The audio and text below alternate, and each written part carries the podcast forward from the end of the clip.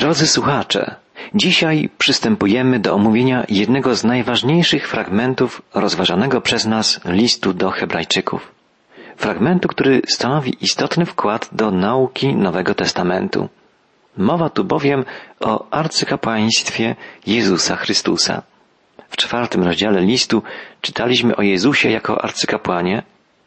Po dokonaniu dzieła zbawienia Chrystus, czytaliśmy, wszedł do Bożego odpocznienia, wstąpił do nieba i oręduje tam za nami jako arcykapłan. Autor listu podkreśla, że Jezus, jako arcykapłan, dobrze zna nasze słabości. Doświadczył bowiem na sobie wszystkiego jak my, prócz grzechu. Jezus przebywał wśród nas jako człowiek, ponieważ bez posiadania ludzkiej natury nie można być kapłanem. Wszedł do nieba jako Boży Syn, ponieważ jedynie On powstał z martwych, jako pierwszy i zasiadł po prawicy Ojca.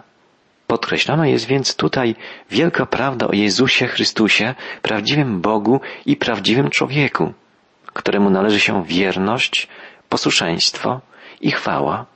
Posłuchajmy, jak rozpoczyna się kolejny, piąty rozdział listu do Hebrajczyków. Czytamy, każdy arcykapłan to przecież człowiek, przeznaczony do tego, aby w imieniu ludzi składać Bogu w darze płody ziemi i zwierzęta ofiarne za grzechy. To treść pierwszego wiersza piątego rozdziału. Autor listu przypomina najpierw, kim jest kapłan. Podaje niejako definicję kapłaństwa. Kapłan to człowiek przeznaczony do tego, aby w imieniu ludzi przychodzić przed oblicze Boga. Ponieważ kapłan staje w imieniu ludzi przed Bogiem, musi być, jeśli tak można powiedzieć, do zaakceptowania przez Boga, do przyjęcia przez Boga. Musi być powołany, ustanowiony przez Boga, nie przez ludzi.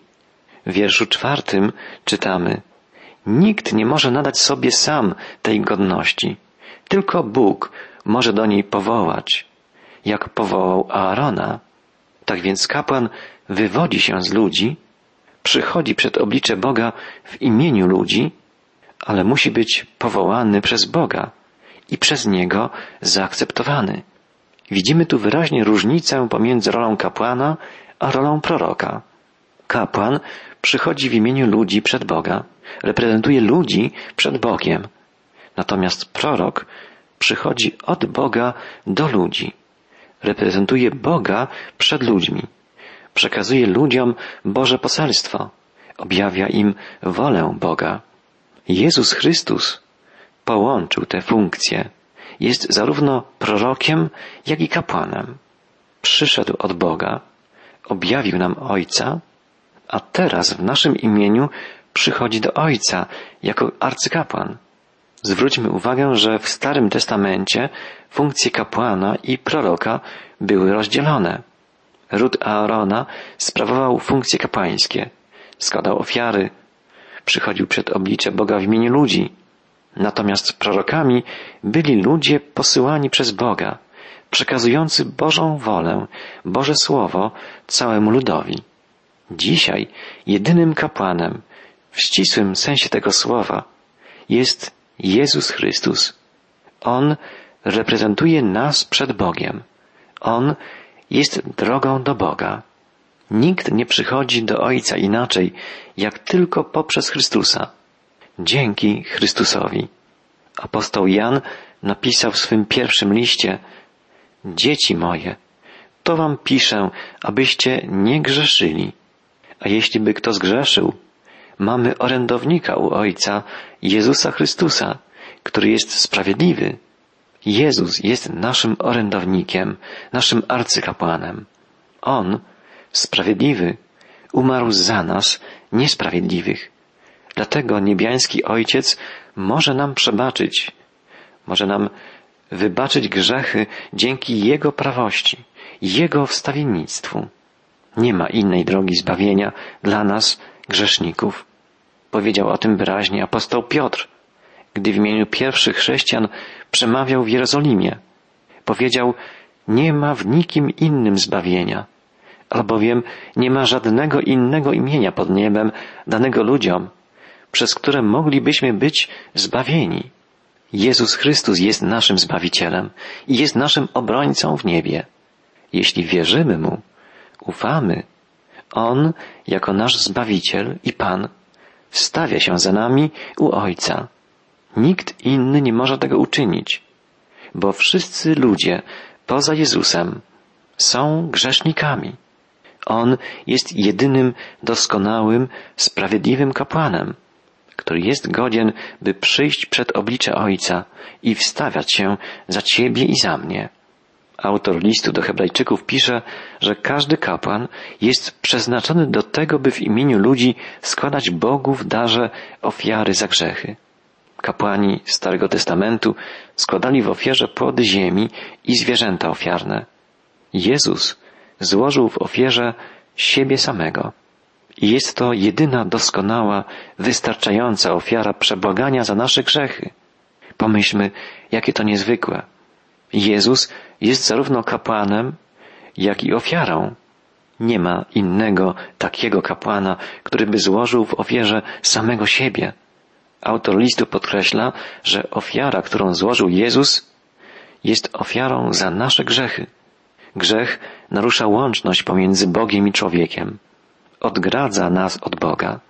Jako ludzie wierzący, odkupieni przez Jezusa, nie jesteśmy doskonali, bezgrzeszni. Popełniamy błędy, upadamy i wtedy jedynym ratunkiem jest dla nas szczere wyznanie grzechów, pokorna prośba o przebaczenie.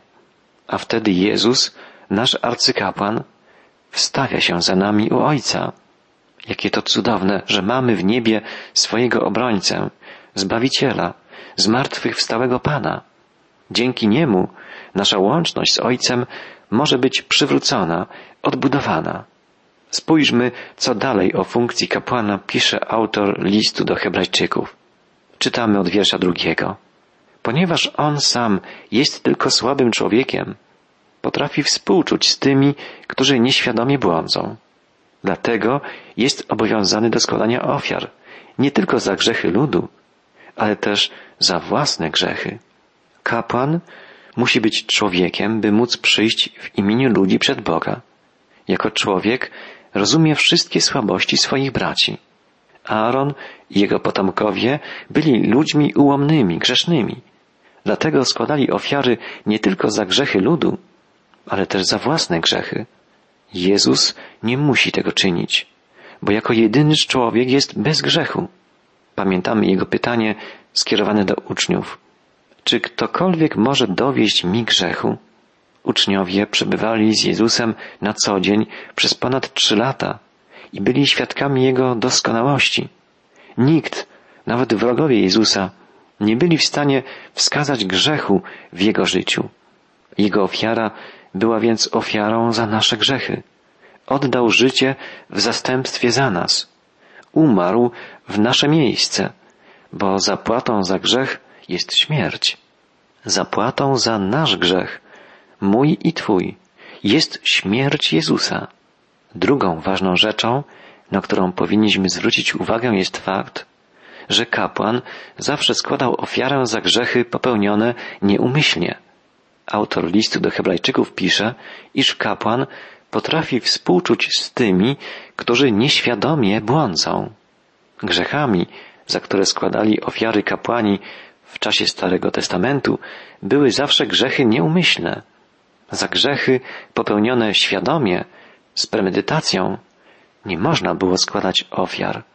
W Starym Testamencie czytamy wielokrotnie, że ofiary składane przez Aarona i jego potomków mogły być ofiarami wyłącznie za grzechy nieumyślne.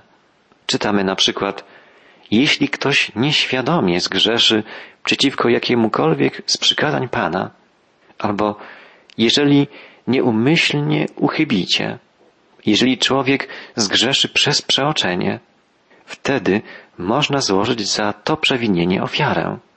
Natomiast człowiek, który popełni grzech rozmyślnie, pisze Mojżesz, znieważa Pana. Człowiek ten będzie wytracony spośród swego ludu. Jeśli kto w zuchwalstwie swoim nie usłucha, to człowiek ten poniesie śmierć.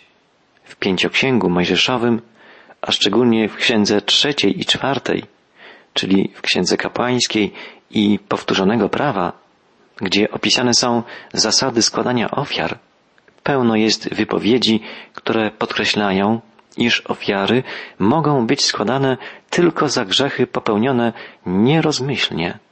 Grzech nieświadomy jest przebaczalny, jeśli osoba, która go popełniła, wyraża skruchę, żal i prosi o przebaczenie. Natomiast grzech popełniony świadomie, z zimną krwią, z premedytacją, grzech, po popełnieniu którego nie ma objawów skruchy, nie podlega przebaczeniu. Tak było w okresie Starego Testamentu i musimy podkreślić, że w dobie Nowego Przymierza obowiązuje podobna zasada. Bóg nikogo nie przymusza do upamiętania. Nikogo nie zbawia na siłę. Nie ma działającej automatycznie taniej łaski, która by obejmowała całą ludzkość. Owszem, Chrystus umarł za grzechy całego świata, całej ludzkości, ale przebaczenie, ułaskawienie nie obejmuje automatycznie wszystkich, jedynie tych, którzy w Niego uwierzyli, którzy Mu zaufali, którzy Go przyjęli jako Zbawiciela i Pana. Tym, którzy Go przyjęli, podkreśla apostoł Jan, dał prawo stać się dziećmi Bożymi. Jako Boże dzieci musimy również w naszym życiu na co dzień pamiętać, iż wszelkie grzechy, błędy, jakie popełniamy, musimy szczerze wyznawać Bogu, prosić o przebaczenie. W przeciwnym razie nie będzie mógł postępować proces naszego oczyszczenia, uświęcenia. Jezus, jako doskonały arcykapłan, otwiera nam drogę powrotu do Ojca. Jednak to my musimy tego powrotu szczerze pragnąć, okazać skruchę, pokorę, by dotknąć nas mogła Boża łaska, Boże przebaczenie i oczyszczenie. Trzecią ważną i cudowną prawdą dotyczącą służby kapłańskiej Jezusa jest, jak podkreśla autor listu, to, iż Jezus jest w stanie w pełni wczuć się w nasze położenie. Chrystus, najdostojniejszy i prawdziwie święty arcykapłan, który jest Synem Bożym, w pełni współczuje ze słabościami ludzkimi, ponieważ sam, jako człowiek, był doświadczany jak my wszyscy. Wie, czym jest pokusa, ponieważ sam był kuszony. Doznawał prześladowań, przeżywał udrękę opuszczenia, cierpiał za nas i to doświadczając cierpień zarówno ciała, jak i duszy. Chrystus może współczuć z tymi, którzy błądzą. To zapewnienie w oryginalnym brzmieniu ma jeszcze większą wymowę. Greckie słowo, przetłumaczone jako współczucie, oznacza coś głębszego. Cierpliwość, empatię, gotowość do okazania pomocy. Wybitny grecki myśliciel Plutarch określał tę cechę jako uczucie, które pozwala człowiekowi powstać, okazać pomoc, usłyszeć kogoś i wyjść mu na spotkanie. Jest to gotowość do pojednania się z kimś, kto różni się od nas. Umiejętność znoszenia innych bez irytacji. Umiejętność zachowania równowagi ducha, nawet wobec tych, którzy nie potrafią się niczego nauczyć i stale popełniają te same błędy. Jest to postawa stałego przebaczania uchybień, postawa łagodnego współczucia, które w połączeniu z cierpliwością nakierowuje człowieka na właściwą drogę. To chce wyrazić autor listu do Hebrajczyków i podkreśla, że takim współczującym, cierpliwym kapłanem jest nasz Zbawiciel, Jezus. Dalej czytamy, Nikt nie może nadać sobie sam tej godności, tylko Bóg może do niej powołać, jak powołał Aarona. Chrystus również nie przyznał sam sobie godności arcykapłańskiej, ale otrzymał ją od Boga, który tak do niego powiedział, Ty jesteś moim synem, ja dzisiaj dałem Ci życie. W innym zaś psalmie tak mówi, Ty jesteś kapłanem na zawsze, na wzór Melchisedeka. Autor listu jeszcze raz podkreśla, że kapłan zawsze jest powoływany przez Boga. Nikt sam nie może ustanowić siebie kapłanem. Jako przykład ukazany nam jest Aaron, którego Bóg wyraźnie powołał do służby kapłańskiej. Wspomniany jest także Melchisedek, którego Bóg powołał w sposób odmienny, ale równie wspaniały, do posługi kapłańskiej za dni Abrahama, a więc wcześniej niż żył Aaron i Mojżesz. Autor listu przypomina nam postaci Arona, Melchisedeka, żeby podkreślić, iż Jezus otrzymał godność kapłańską przewyższającą godność tamtych kapłanów. Do kogo bowiem Bóg powiedział, Tyś jest synem moim, ja cię dziś zrodziłem. Słowa te to cytat z psalmu drugiego. Skierowane były do zapowiadanego Mesjasza. I sam Ojciec potwierdził, że Mesjaszem tym, czyli Bożym Pomazańcem, Chrystusem, jest Jezus. W czasie Jego chrztu rozległ się głos z nieba. Ten jest Syn mój umiłowany, którego sobie upodobałem. Na górze przemienienia gdzie Jezus rozmawiał z Eliaszem i Mojżeszem, uczniowie usłyszeli ten sam głos. Oto syn mój umiłowany. Jego słuchajcie. Autor listu cytuje jeszcze inny psalm, psalm 110, gdzie ukazany jest Mesjasz zasiadający po prawicy Ojca, do którego Bóg zwraca się słowami Tyś kapłanem na wieki, według porządku Melchizedeka.